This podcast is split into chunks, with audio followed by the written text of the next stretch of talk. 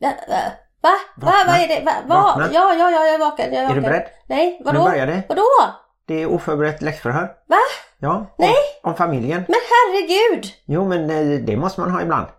Alltså jag visste att du var en sån där sadistisk lärare reinkarnerad. Don't tell me that your life is dull and grey. My only answer is hey, hey, hey, hey. Let's go crazy in the wild, and if by chance we make a child, that just means that we're alive and healthy. Hej och välkomna till avsnitt 189 av Bonuspappan och Plusmamman, en podd om livet i en bonusfamilj med tyngdpunkt på föräldraskap och relationer. vi sänder i samarbete med Hallands Nyheter, dagstidningen i Varberg och Falkenberg med omnejd. Ett samarbete vi är väldigt stolta över eftersom Hallands Nyheter liksom är kärnan och Hallands essens känner jag. ja, det finns i alla fall väldigt eh, många bra artiklar och man kan gå in och provläsa lite på www.hn.se. Där finns både artiklar som är upplåsta och sånt som är bara för prenumeranter. Men vad är en frukost utan Hallands Nyheter? Vad är ett bord utan trycksvärta? Nej, just det.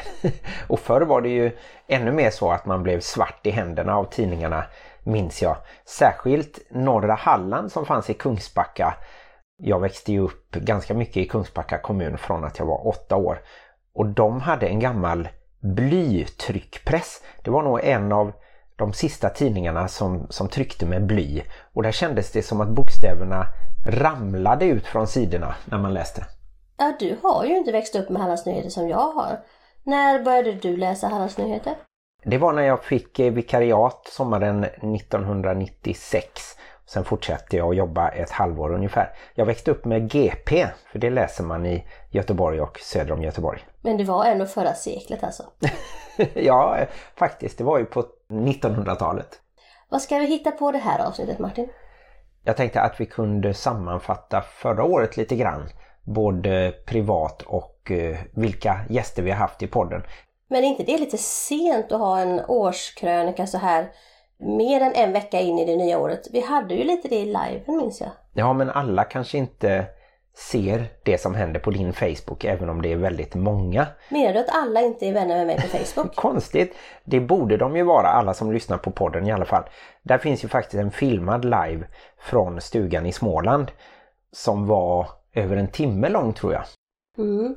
Det är klart att Facebook har ju en gräns för 5000 så att riktigt alla kan ju inte vara vän med mig. Nej.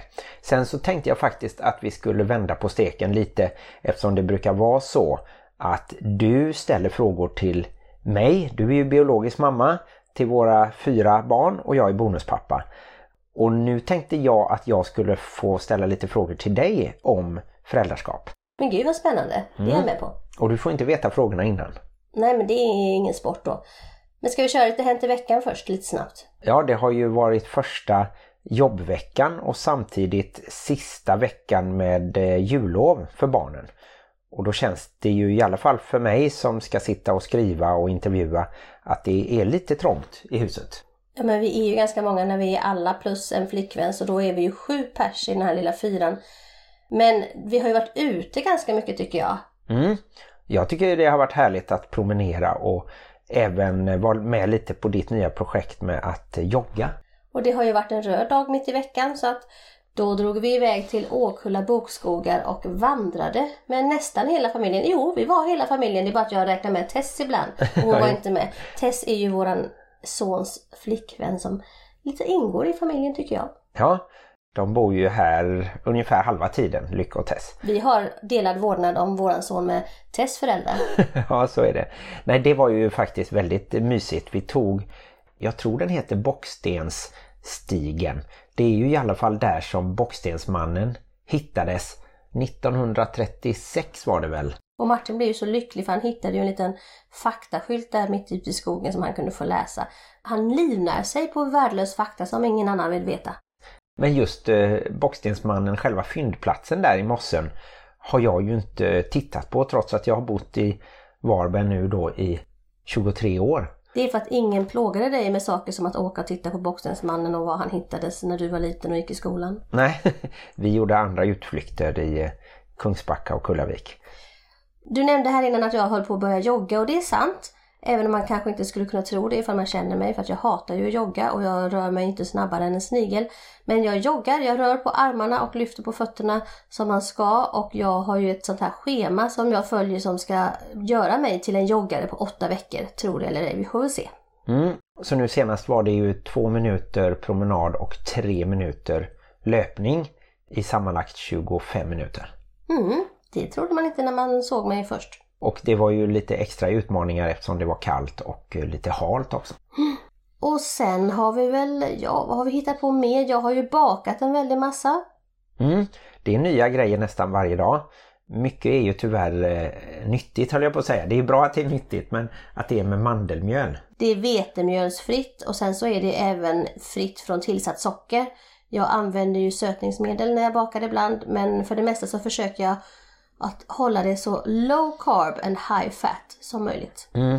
Och anledningen att jag inte kan äta det mesta av det är ju Är då... du är helt felkonstruerad. Jag är väldigt allergisk mot mandel och nötter och det är ofta mandelmjöl i då. Mm.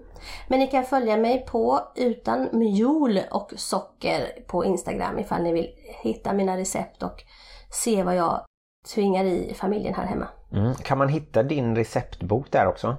Ja, alltså man kan inte hitta den där utan man kan ju hitta mig och så kan man skicka ett meddelande till mig och säga Hej, jag har skickat 100 kronor till Rädda Barnen. Kan jag få din receptbok? Ja, säger jag då. Du kan bara skicka 40 kronor till porto så får du den. Mm. Så det går ju till välgörenhet och du har redan samlat in, är det över 4000 kronor? Nu har jag faktiskt passerat 5000. Ja, det är ju fantastiskt Det bra. kanske inte är så mycket med tanke på de här jättekända människorna som kan samla in miljoner. Men jag tänker ändå att jag är nöjd med mina 5000 som jag har bidragit med till välgörande saker. Och man kan ju faktiskt välja själv vad man vill skänka till. Som jag sa i tidigare avsnitt så kanske jag inte gillar ifall man skänker till vi ska gå ut och klubba säl eller så. Men vanliga saker som Cancerfonden, Hjärnfonden, Jontefonden, Rädda Barnen, Läkare Utan Gränser. Ja, de har varit väldigt påhittiga de som har köpt eh, receptboken vet jag och gett till många olika ändamål. Mm. Det är härligt. Sen så har jag noterat att eh, Bonusfamiljernas diskussionsgrupp som vi har på Facebook, den får nya medlemmar nästan varje dag.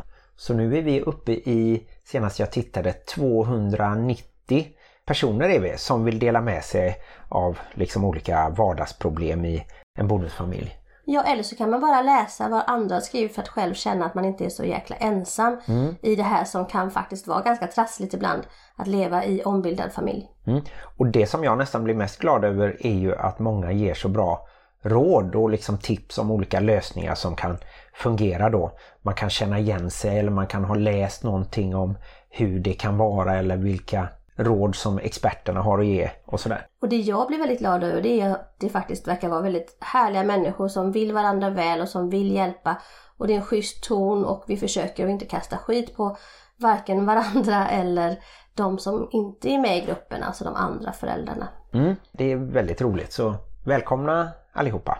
På tal om det här med att kasta skit så ibland kanske kan det upplevas att någon kastar skit fast man bara ser på saker och ting olika. Så att ifall du känner dig attackerad så kanske du kan fundera på ifall du verkligen är attackerad eller inte. Det kanske bara är så att du tycker olika. Mm, så kan det vara. Nu så är det dags att eh, ställa lite frågor till våran familjs biomamma. Ooh.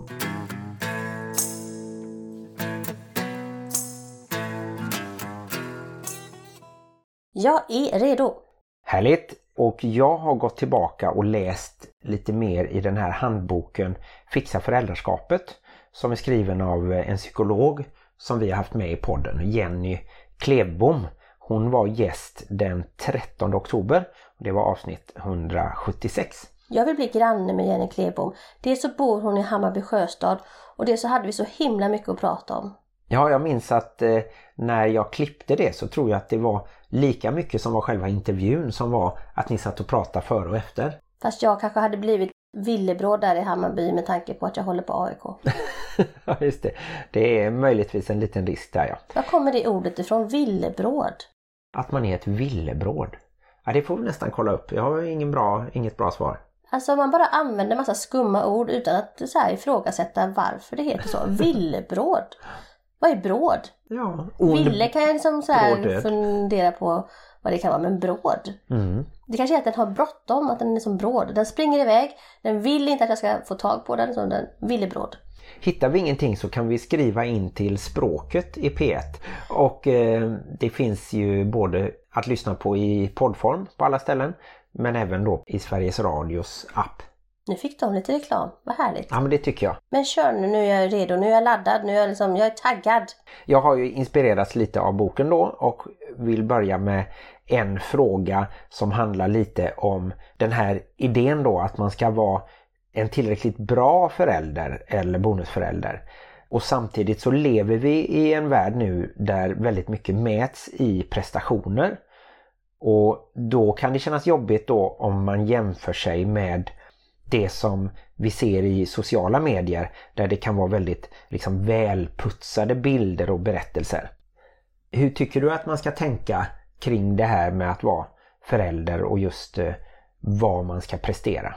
Först vill jag då påpeka att i vanliga fall när vi gör intervjuer så brukar jag säga till Martin Ställ inte så vansinnigt långa frågor för då kommer de inte att fatta vad det är du frågar om. Och ungefär så känns det just nu att jag fattar inte riktigt vad du frågar om men jag hörde en mening där i början och det var tillräckligt bra. Och jag tycker att det är ett jättebra uttryck. Jag brukar kalla det för good enough för jag är så internationell. eh, good enough är just det. Det är good enough. Då är man tillräckligt bra. Man behöver inte vara bättre än sig själv för det är helt omöjligt. Man kan bara vara så bra som man själv är. Och man behöver absolut inte jämföra sig med andra. Nu håller jag på att följa massa sådana här inredningskonton på Instagram och hade jag jämfört mig med dem så hade jag ju kunnat gräva ner mig i ett litet hål och aldrig mer komma upp igen. För det är ju inte ens i närheten av hur vårt hem ser ut. Jag tycker mer att man ska inspireras av andra, glädja sig åt andra och sen titta vad, vad fint de har det. Och vad fult vi har det. Nej, så ska man inte alls tänka utan jag tänker att man ska känna vad funkar för oss? Vad är bra i våran familj? Vad eh, tycker jag är viktigt? Tycker jag att det är viktigt att det är liksom absolut städat och att det står en vit vas med vita liljor precis där? Nej, det tycker jag inte är så viktigt. Jag tycker det är viktigt att vara närvarande. Därför så har jag ju inte haft ett 9 till 7 jobb. Heter det 9 till 7 jobb eller heter det 9 till 5 jobb? Jag vet inte vad folk jobbar ens en gång. Men eh, för att just vara närvarande när mina barn kommer hem från skolan och, och jag hade ju till och med ett dagmammejobb där ett tag som gjorde att jag var hemma väldigt mycket. Tills mina barn faktiskt var så stora så att de brydde sig inte alls om att jag var hemma och ville inte ha en massa små barn springandes här som inte var deras syskon och så. Så, att, så mitt svar på den frågan som jag då inte riktigt förstod vad du sa är jag tycker inte man ska jämföra sig med någon annan. Den enda som man ska försöka leva upp till är väl sig själv då fast man kan ju som sagt var inte vara bättre än man är. Och vara nöjd med att man är good enough. Jag tror att du ska vara riktigt, riktigt kass förälder för att ditt barn inte ska tycka om dig. Alltså riktigt mega superkass. Och så superkass är det väldigt få föräldrar som faktiskt är. Mm.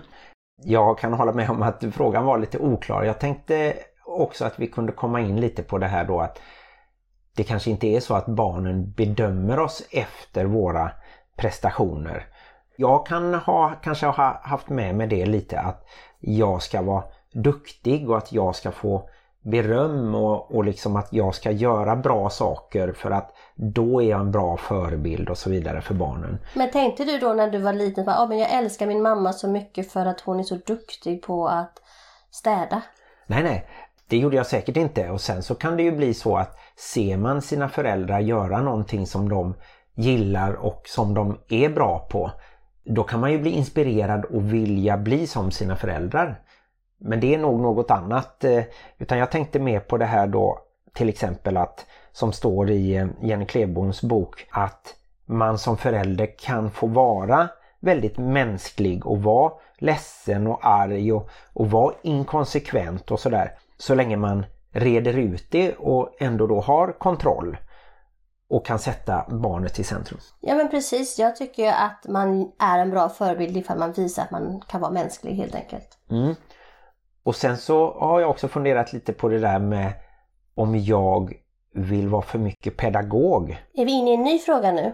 Nej, detta hör till liksom föräldrarollen. Jag tror det var du som skulle ställa frågor till mig. Det här är en annan sak som jag märker i våra intervjuer. Det är att efter ett tag när vi har intervjuat någon så handlar det igen om Martin. Jag vill gärna att du hakar på här. Tror du att det är så? om jag formulerar om mig lite. Att jag ibland är för mycket pedagog, att jag tänker att jag ska kunna lära ut saker till barnen. Men de egentligen vill inte ha en sån eh, undervisande föräldrastil kanske? Eh, ja, det korta svaret på det är ja. På både A, B och C svarar vi ja. Om du inte vill att du ska bli ihågkommen som en sadistisk lärare förstås. Nej, jag tycker att man kan vara en god pedagog och eh, hjälpa till. Men jag tror också att det barnen behöver är ju just den här känslomässiga närvaron. Sen tror jag att man måste även som förälder sätta gränser men det är lite en annan fråga. Och den skulle vi kunna gå över till. För jag undrar lite hur du upplever när det gäller då min gränssättning. För jag är ju inte vårdnadshavare. Tycker du att jag sätter gränser och hur tycker du att jag gör det? Mm. Vi har ju haft en del eh, frågor och eh, diskussioner i diskussionsgruppen som vi pratade om innan. Just med det här hur mycket gränser ska en bonusförälder sätta? Och jag tänker att de viktigaste gränserna som en bonusförälder ska sätta är just de runt sig själv. Så att du inte blir någon som bara ger och ger och ger och sen så känner dig bitter över att du inte får någonting tillbaka. Så liksom, känna efter, vad har jag för gränser? Vilka tjänster kan jag göra villkorslöst utan att kräva att få tacksamhet tillbaka till exempel? Eller hur mycket tål jag innan jag faktiskt känner mig kränkt och utnyttjad till exempel. Så att den gränsen tycker jag är mycket, mycket viktigare för en bonusförälder att sätta gränsen runt sig själv. Sen så tänker jag att som en vuxen människa som är runt barn, som en bonusförälder då är, så är det ju faktiskt viktigt att vi lär barnen de här vanliga normala gränserna som att slå inte varandra, döda inte din granne, ligg inte med din nästas fru. Nej men sådana saker, alltså sådana här vanliga saker. Det där var kanske inte jättevanligt men jag kom in där på de 12 budorden som jag gör ibland så här på söndag morgon. Vilka är de två andra i så fall om det är 12 budord? Är de inte 12? Är de 10? Ja. Aj då. Jag sa så bra i söndagsskolan. Men hur som helst, jag tänker just de här gränserna, de här vanliga gränserna som alla borde följa för att vi ska ha ett normalt samhälle. De tycker jag absolut att en bonusförälder ska ställa och sätta. Men sen så kanske man inte måste vara liksom Gestapo när det gäller liksom andra småsaker. Där kan man nästan låta den biologiska föräldern få vara den här tråkiga, tjatiga bad cop. Mm. För att man har liksom ett lite sämre utgångsläge som bonusförälder. Jag känner det ibland att du kan låta mig vara det och så kan du få vara lite härlig och, och rolig även om vi liksom håller på vissa gränser som jag sa här innan. Mm. Sen så var jag lite nyfiken på matsituationerna i våran familj. Hur tycker du att det går? Har det blivit bättre eller sämre? Och vad kan vi göra där och så? Det är helt uppåt väggarna galet. Jag har ju vissa regler runt matbordet och det är ingen mobiltelefon. Och där är du ibland lika dålig som ungdomarna på att lägga ifrån dig telefonen. Och eh, sen så vill jag verkligen inte att det ska vara tjat runt matbordet för jag är uppväxt med en ganska hård dagmamma och jag har haft ganska mycket problem med min matsituation med ätstörningar och annat. Så jag vill verkligen att matbordet ska inte vara där man diskuterar hur mycket man ska äta eller inte äta. Utan där ska det vara härligt, trevligt och mysigt och där känner jag att vi har en liten bit kvar att gå. För du kommer ju från ett ställe där det var liksom viktigt att äta upp maten och viktigt att äta av alla sorters eh, grönsaker och sådär. Och jag tycker faktiskt inte att det är så viktigt utan jag tycker att närvaron och samvaron runt matbordet är viktigare. Mm. Jag lärde ju mig att smaka på allt. Men var det något jag inte tyckte om så behövde jag ju inte äta upp det så att säga. Eller rättare sagt då tog jag väldigt lite och då behövde jag inte slänga någonting. Så jag smakade först. Men jag försökte smaka på allt och då var det vissa saker som jag började tycka om. Det kan ju vara en illusion också att du minns din barndom som att du ja, smakade det, på allt. Det, det kan det säkert vara. Men hur tycker du då man ska göra om man har ett barn som man tycker kanske ska äta lite mer varierat och kanske inte bara ta pasta eller ris eller sådär? Mm, men det är väl lite, lite det som du sa innan, att man är en bra förebild, att man själv äter varierat, att man erbjuder varierad mat och sen som jag lite var inne på att man tar den diskussionen utanför matbordet. Att man pratar om det innan eller efter eller någon helt annat ställe där man liksom kan prata om näring och annat. Så att just matsituationen blir ett ställe där du inte känner dig stressad över vad du äter eller inte äter. Utan äta tillsammans ska liksom vara något trevligt och härligt. Mm. Jag håller med dig absolut. Jag vill också att det är så. Men har man ett barn till exempel som kan ta obegränsat med ketchup och man har kommit överens om att nej, vi ska försöka ta lite mindre ketchup för att det inte är så nyttigt. Vem ska då säga till? Ska någon av föräldrarna säga till eller ska man göra så då att det är föräldrarna som lägger upp maten till just det om det är ett mindre barn? Ja men det är ju så som jag sa att då har man bestämt det kanske innan så att man vet att det är en tydlig regel. Och sen så kan man då varje gång så man, det här gick inte så bra och så försöker man, då kan man säga kanske vi gör så här nästa gång då att jag häller upp istället, vad tycker du om det? Att man bara tar den diskussionen utanför själva matsituationen. Mm. Och sen så kom jag på en annan sak och det har jag ju försökt ibland och funkat ganska bra på vissa barn. Det är inte alla barn det funkar på. Men ibland har det varit så här att jag har sagt att nej, alla de här morötterna är mina. Ja, det är bara jag som får äta de här morötterna. Du får absolut inte äta de här morötterna. Och så spelar jag lite sådär. Och då kan det vara att min dotter i det här fallet fick sno morötter från min tallrik och det tyckte hon var himla kul. Till exempel. Ja. ja, men det låter bra. Det tycker jag vi kan testa något liknande sånt där. Och just att vi bestämmer innan vem som lägger upp eller ungefär hur mycket man äter av varje och så. Precis, man kan ju faktiskt säga då, om man har tydliga regler så kan man lite fint påminna att nu sätter jag oss ner vid bordet. Kommer du ihåg reglerna kan man ju säga då. Och sen låter man själva när man äter vara lugnt och fint. Mm. Då går vi vidare och då är jag lite nyfiken. Ni hörde där hur bestämd jag är. ja, Så här ska det vara. det är bra. Då är jag lite nyfiken på någonting som jag också läste i boken och som jag vill kolla med dig. Ja, så nu är din fråga igen. Ja, och den handlar om vilken anknytningsstil som du har. Eller vad du tror att du har. Och då brukar man utgå från fyra olika delar. Åh, oh, vad spännande. Mm. En del är struktur och det är då förälderns förmåga att sätta gränser Det är Martins anknytningsstil. och skapa en bra ordnad miljö för barnet.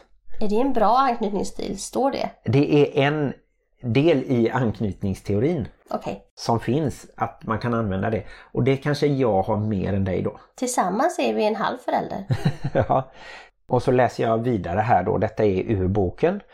Del 2 handlar om engagemang och det är då förmågan att skapa gemensamt engagemang och fördjupa kontakten genom att vara lyhörd för barnets reaktioner. Alltså det där var ju en mening som var formulerad sådär så att han bara, nej det där tror inte jag på. Så, alltså den var så uppenbart att ja, det ska man göra, det är bra, det var fint. Men jag tänkte på, kan du känna igen dig i det? Är det någonting som du är bra på? Engagemang, ja men det är väl. Alltså jag har ju varit den som har gått på alla skolavslutningar när man fick det.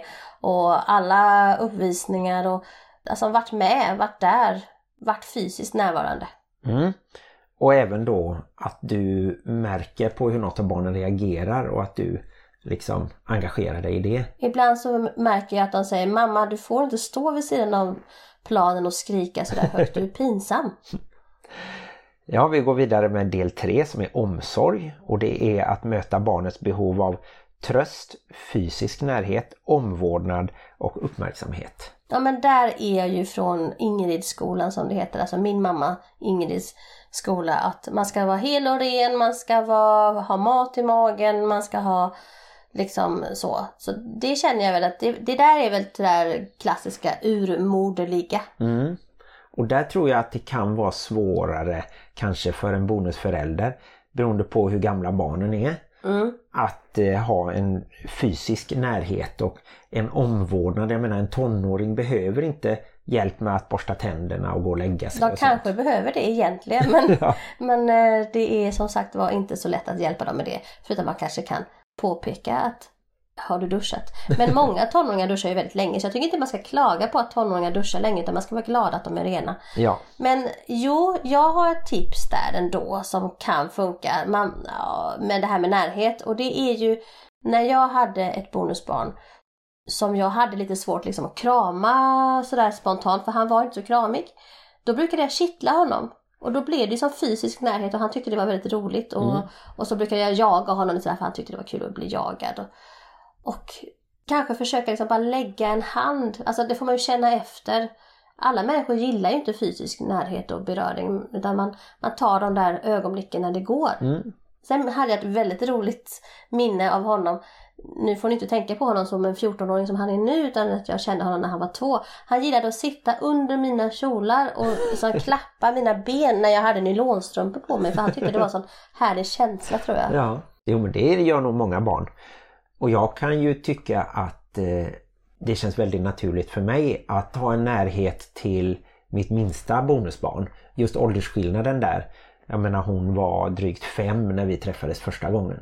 Så hon har ju behövt hjälp med olika vanliga saker. Men det är ju också en personlighetsgrej. Hon Ja. är ju en väldigt fysisk person. Hon Ja. Mm. gillar ju att sova till exempel i våran säng. Och det har vi ju tillåtit henne att göra i omgångar när Mm. hon har haft behov av det. Och eh, hon gillar ju också att få massage faktiskt. Ja, Sådär. Och det kan ju vara en sån beröring som inte passar alla. Men för henne har det ju varit väldigt, alltså hon tycker att det är, hon blir avslappnad och kan sova mycket bättre och sådär. ja Så kliad på ryggen till exempel. eller kliar i håret, är ju, det kan ju vara ett tips. Att liksom massera någons huvud om man får. Thailändare så är huvudet heligt, får man inte röra någon annans Jaha. huvud. Men om man får röra någon annans huvud så i alla fall här i Sverige så kanske inte det är lika intimt egentligen men det är väldigt skönt. Mm. Det var ju faktiskt väldigt gulligt igår faktiskt. Som Helle sa kan inte du stryka mig över håret så som din mormor brukar göra? För då har jag berättat om det. När jag och min lillebror var små och blev passade av mormor och morfar och skulle sova så strök hon oss över håret och ungefär i samma liksom rytm och på samma ställe så det blev något slags hypnotiserande nästan så att det var också väldigt trygghetsskapande. Så det vill Helle testa ibland och det, det verkar funka. Så den här fysiska närheten kan ju som du säger vara lite utmanande när det gäller bonusföräldrar och bonusbarn. Men man kan hitta sätt att ändå vidröra varandra. För jag tror ändå att även om det som vi sa också kan vara för intimt så är just fysisk närhet någonting som binder människor samman. Mm. Och det ingår även i de här anknytningsstilarna som vi pratar om. Och sen den fjärde som nämns är utmaning och det är att stötta och uppmuntra barnets prestationer och utveckling på en optimal nivå. Där är jag helt kass. Jag liksom bara vill ta hand om mina barn. Jag diskar åt dem. Jag hade burit dem ifall jag hade kunnat. Jag älskade att bära barnen när de var små. Alltså även om de kunde gå så gillade jag att gå och släpa på dem. Så där kan man väl säga att jag kanske mer drar åt det och jag skulle kunna tänka mig att om jag hade haft ett biologiskt barn så kanske det hade varit ännu tydligare att jag kanske uppmuntrar prestationer. För att du är en sån elitisk förälder. Nej, jag har ju en stark eh, vinnarskalle och liksom tävlingsanda. Men sen så har det ju som tur är gått att kontrollera väldigt mycket sen jag blev vuxen så att jag är ju inte så dålig förlorare till exempel. Nej, men det var ju som jag sa här i början, tillsammans så är ju vi en riktigt eh, kapabel förälder. Det hoppas jag och sen så blev jag också glad över att det nämns en övergripande nivå som del 5 i det här med anknytningsteori och det är hur lustfyllda aktiviteterna är och det som då ska genomsyra all samvaro som är lekfullhet. Ja men där är vi båda två bra. Vi gillar att leka. Och vi gillar att busa och vi gillar att hitta på saker som är lite över det vanliga kanske när det gäller. Vi har ju haft skattjakter som har pågått över hela stan och familjefejder och allt möjligt spännande som vi har hittat på under våra fem år tillsammans. Mm. Och jag tror ju att vi har liksom barnasinnet kvar lite du och jag. Du har hela ditt barnasinne kvar.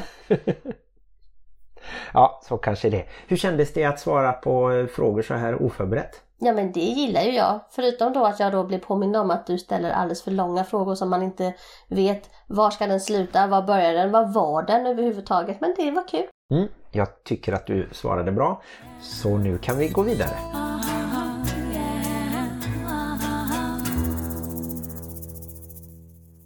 Ja, nu har ju tiden gått så fort så vi får väl ta en liten kortare sammanfattning av 2020. Ja, för vi ska ändå in i 2021 nu så vi, vi bryr oss inte så mycket om 2020 längre. Och om ni vill veta hur vi har haft det 2020 så kan ni lyssna på alla avsnitt för varje avsnitt så har vi ju en Hänt i veckan. Ja just det, eller så kan ni då gå in på Maria Erlandsson på Facebook och bli vänner och titta på våran live som vi gjorde under jullovet. Mm. Nej men om vi ska ta året lite hastigt och lustigt så det jag minns mest är ju att jag hastigt och lustigt fick ett nytt jobb och sen hastigt och lustigt blev av med det jobbet. Ja så kan man säga, du fick inte förlängt men du var väldigt duktig när du var kommunikatör och chefredaktör. Ja men tack Martin. Sen så har vi haft det och fortfarande har det lite svårt eftersom våra föräldrar blir äldre och sjuka. Dina föräldrar har blivit lite dementa och min mamma har ju fått en ALS-diagnos så hon kan ju inte prata och håller på att bli förlamad. Ja, det har ju varit det tråkigaste med 2020 tycker jag på en personlig nivå. Även om Corona har ju också varit en väldigt tråkig del av 2020. Ja det är klart, det märks ju väldigt mycket. Och för att avsluta det här med sjukvård och så så har vi ju fått en ny liten medlem i den stora släkten. Min brorsdotters förstfödda lilla Bianca, hon föddes för tidigt och föddes med hjärtproblem så hon är nu efter tre månader fortfarande kvar på sjukhuset. Men hon kämpar på. Mm. Och då tycker jag vi lämnar allting tråkigt bakom oss och drar några roliga saker vi har gjort i år. Vi har varit på Gotland för första gången i mina barns historia i alla fall. Ja, och där gjorde vi ju intervjuer med Pigge Werkelin som överlevde tsunamin och har många olika spännande företag på gång. Och så även med PT Tina Westberg. Och sen har vi den här resan, pensionärsresan som vi brukar kalla den, där jag tänker att du var patient zero och tog corona in i Sverige. Just det, vi åkte runt i forna Jugoslavien och var i Kroatien, Montenegro och Bosnien-Hercegovina och kom hem i slutet av februari innan pandemin liksom hade dragit igång. Men då låg jag ju faktiskt sjuk och, och hade feber och var lite sådär allmänt krasslig. Tänk om alla de pensionärerna som vi åkte med är döda. vad hemskt! Det hoppas vi verkligen inte. Du skrattar åt det men tänk ja, vad men hemskt! så kan man ju inte tänka. Det var ju ingen som var sjuk där i alla fall och eh, sen dess har vi ju varit friska så kanske har jag haft det och du har ju testat dig och varit negativ. Jag är alltid positiv. Förutom till covid-19. Det har ju varit en väldigt utmanande tid för de flesta men kanske ännu mer för bonusfamiljer det här med att många har pluggat hemifrån och många har fått jobba hemifrån. Mm. Vilket betyder att många människor har varit på samma plats. Och den platsen kan ha varit ganska liten. Ja, det är ju svårt när man behöver ett eh, arbetsrum och bara har sovrum till exempel och det kan vara eh, lite dålig uppkoppling på andra våningen och sådär så att eh, det är en utmaning som kommer fortsätta nu under 2021. Mm. Men annars har det inte hänt någonting jättemega det. Det har varit lite ommöblering, Hella har börjat cykla själv till skolan, barnen har tagit hål på sig. ja just det, både Lycke och Ivalin har hål i öronen och i läpp och näsa numera. Mm. Det var den korta varianten av vårt 2020. Men någonting som hände 2020 det är ju att vi har haft väldigt många spännande gäster i podden. Ska vi dra dem lite snabbt? Och lite snabbare den här gången än i liven för att det är ju ganska många så det tar en liten stund. Det tycker jag. Vi tackar bland annat Maria Helander från Stresspodden och Självsnällpodden. Vi tackar Beatrice Ammer som var med oss och hennes make dog ju väldigt tragiskt och hon har ju själv haft cancer. Men numera så lever hon faktiskt med en ny man och vi önskar henne och honom all lycka till. Mm, och vi tackar komikern Claes Malmberg som har, tror jag, fem barn med tre olika kvinnor. Och jag vill tacka Maria Duva lite extra mycket för att hon månar ju om våra barns säkerhet på nätet. Och det tycker jag är en jätteviktig fråga nu för tiden. Mm. Och så tackar vi artisten Monica Robertsson och Nathalie Eneke som berättade om föräldrar som sitter i fängelse. Och så tackar jag kommunalrådet Jana Nilsson som lever och bor här i Varberg och som var faktiskt fantastiskt mycket roligare än jag tänker att politiker är. Mm. Och Milla Nordström som berättade om kvinnomisshandel och sitt viktiga jobb och hon har själv varit utsatt så det var ett starkt avsnitt. Vi tackar Åsa Schill som jobbar med Jesper Juhls barnuppfostransmetod i Family Lab. Mm. Och sen hade vi ju självaste jämställdhetsministern Åsa Lindhagen som alltså sitter i regeringen och lever i en bonusfamilj. Jag tycker det var jättesynd att Corona gjorde så att vi inte kunde träffas in person. Men jättesmart och klok kvinna. Ni följ henne på sociala medier. Mm. Vi tackar även Kalle Rosensköld. En väldigt lång människa. Ja, en av de längsta i podden tillsammans med trollkarlen Dossi tror jag. Men oerhört trevlig. Kanske är det så att man är trevlig om man är lång. Och då skulle vi vara otrevliga Jag, säger, som är jag korta. tänkte säga, vad säger det om oss? Ja. Kalle var ju med i SVTs experiment Nedsläkteland. Och så tackar vi bonusmämen Sofia Grävesen i Danmark. Hon är ju inte dansk men har blivit dansk. Ja, just det.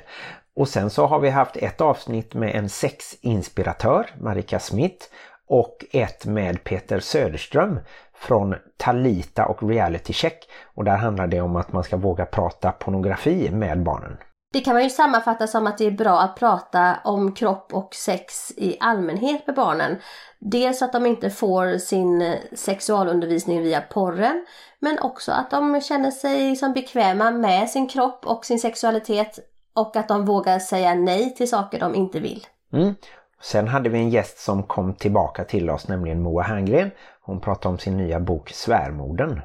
Jag tycker vi ska tacka Stefan Bondesson från Happy X som har utvecklat en app om hur man ska dela upp ekonomin när man är skilda. Mm, det är väldigt eh, käckt och bra. Och vi tackar även Martin Wenzel som berättade om sina upplevelser av att ha varit kliniskt död i åtta minuter. Mm, och jag ska åka och hälsa på Martin i vår. Ja, spännande. Jättespännande. Anna Lövdahls liv har också varit väldigt spännande fast hon visste kanske inte om det när hon var barn men det visade ju sig att hennes pappa levde ett dubbelliv. Han hade två familjer. Ja, just det. Och spännande var det även att prata med Emma och Linus Söderberg. Han hade nämligen donerat en njure till en av sina bonusdöttrar. Precis, där ligger du i lä. Vi tackar Martina Valerius och hennes make Thomas Eriksson men vi tackar ju även deras dotter som var med i podden. Det är intressant för vi har inte haft så många yngre intervjuoffer. Nej, just det. Och här i närheten av Varberg fanns även Marguerite Sandersson och Marcus Strandberg som hyr Åsbro gästgiveri och de är den första familjen på över hundra år som bor där i det stora huset utanför Varberg. Och så får vi väl passa på att tacka barnpsykologen och författaren Jenny Klebom lite extra mycket då eftersom hon nästan byggde upp hela vårt avsnitt idag. Det gör vi. Och vi tackar Annette Dramme vars make när vi gjorde intervjun var i Gambia där hans barn bor för att han skulle få uppehållstillstånd till Sverige. Och det fick vi ju reda på lite senare att han faktiskt fick, så grattis till det. Vi tackar Kalle som är trubadur här i Varberg och hans bonusdotter Liz som är min frisör. Just det. Och sen så hade vi ju med oss än en gång juristen Linda Ljunggren Syding. Det kan aldrig bli för mycket Linda Ljunggren Syding. Nej. Mer Linda Ljunggren Syding i världen. Tackar henne för att hon pratade om boken Skiljas med hjärta och hjärna. Och så tackar vi Maria Törnblom som eh, upplyste oss lite om hur det är med beroende och alkoholism. Speciellt i bonusfamiljer kan det vara en knepig situation om man kommer in där det finns beroende. Mm. Och så tackar vi vår senaste gäst som var Lilly Lindgren och hon är 15 år och bor då i två bonusfamiljer. Mm. Hon pratade ju lite om hur det är att ha syskon i en bonusfamilj. Halvsyskon, bonussyskon, syskon du lever med, syskon du inte träffar så ofta och så vidare. Mm. Då är vi framme vid eh, den traditionella avslutningen och då hoppas vi ju att ni vill höra av er till oss på olika sätt. Lättast är ju att nå oss via sociala medier, Facebook, Bonuspappan och Plusmamman och på Instagram bonuspappan.plusmamman. Svårast är ju att ställa sig utanför ditt jobb och ropa Martin! För du är ju sällan där nu för tiden. Precis, och då är det ju bättre att mejla på bonuspappan.plusmamman gmail.com. Röksignaler är också ganska svårt. Vi vill gärna ha tips på vilka gäster vi kan ha med eller frågor som vi kan ta upp. Mm. Det tycker vi är roligt när ni skriver till oss. För det så får ju vi fundera och tänka hur vi hade gjort eller hur vi gör i vår bonusfamilj. Och det är ju väldigt utvecklande för vår relation och vår familj överhuvudtaget. Så jag tänker att utan podden så hade vi kanske aldrig kommit så här långt. Så kan det vara. Så vi kan ju tacka oss själva, tacka podden för att podden finns för vår skull. Nej, vi tackar alla som lyssnar på oss och alla som skriver till oss. Det gör vi. Tack. Det är det viktigaste. Glöm inte att livet i bonusfamiljen kan vara besvärligt. Men allt som ofta så är det härligt. Hej då! Jag tycker fortfarande att man ska ha ett sånt här drickspel. När man kan shotta varje gång jag säger härligt. Ja, just det. Så att man lyssnar på ett avsnitt på en fredagkväll och så har man något eh, att dricka till. Fast alla skulle bli asfulla. För jag säger härligt hela tiden. Ja, men det är väl eh, Härligt. trevligt.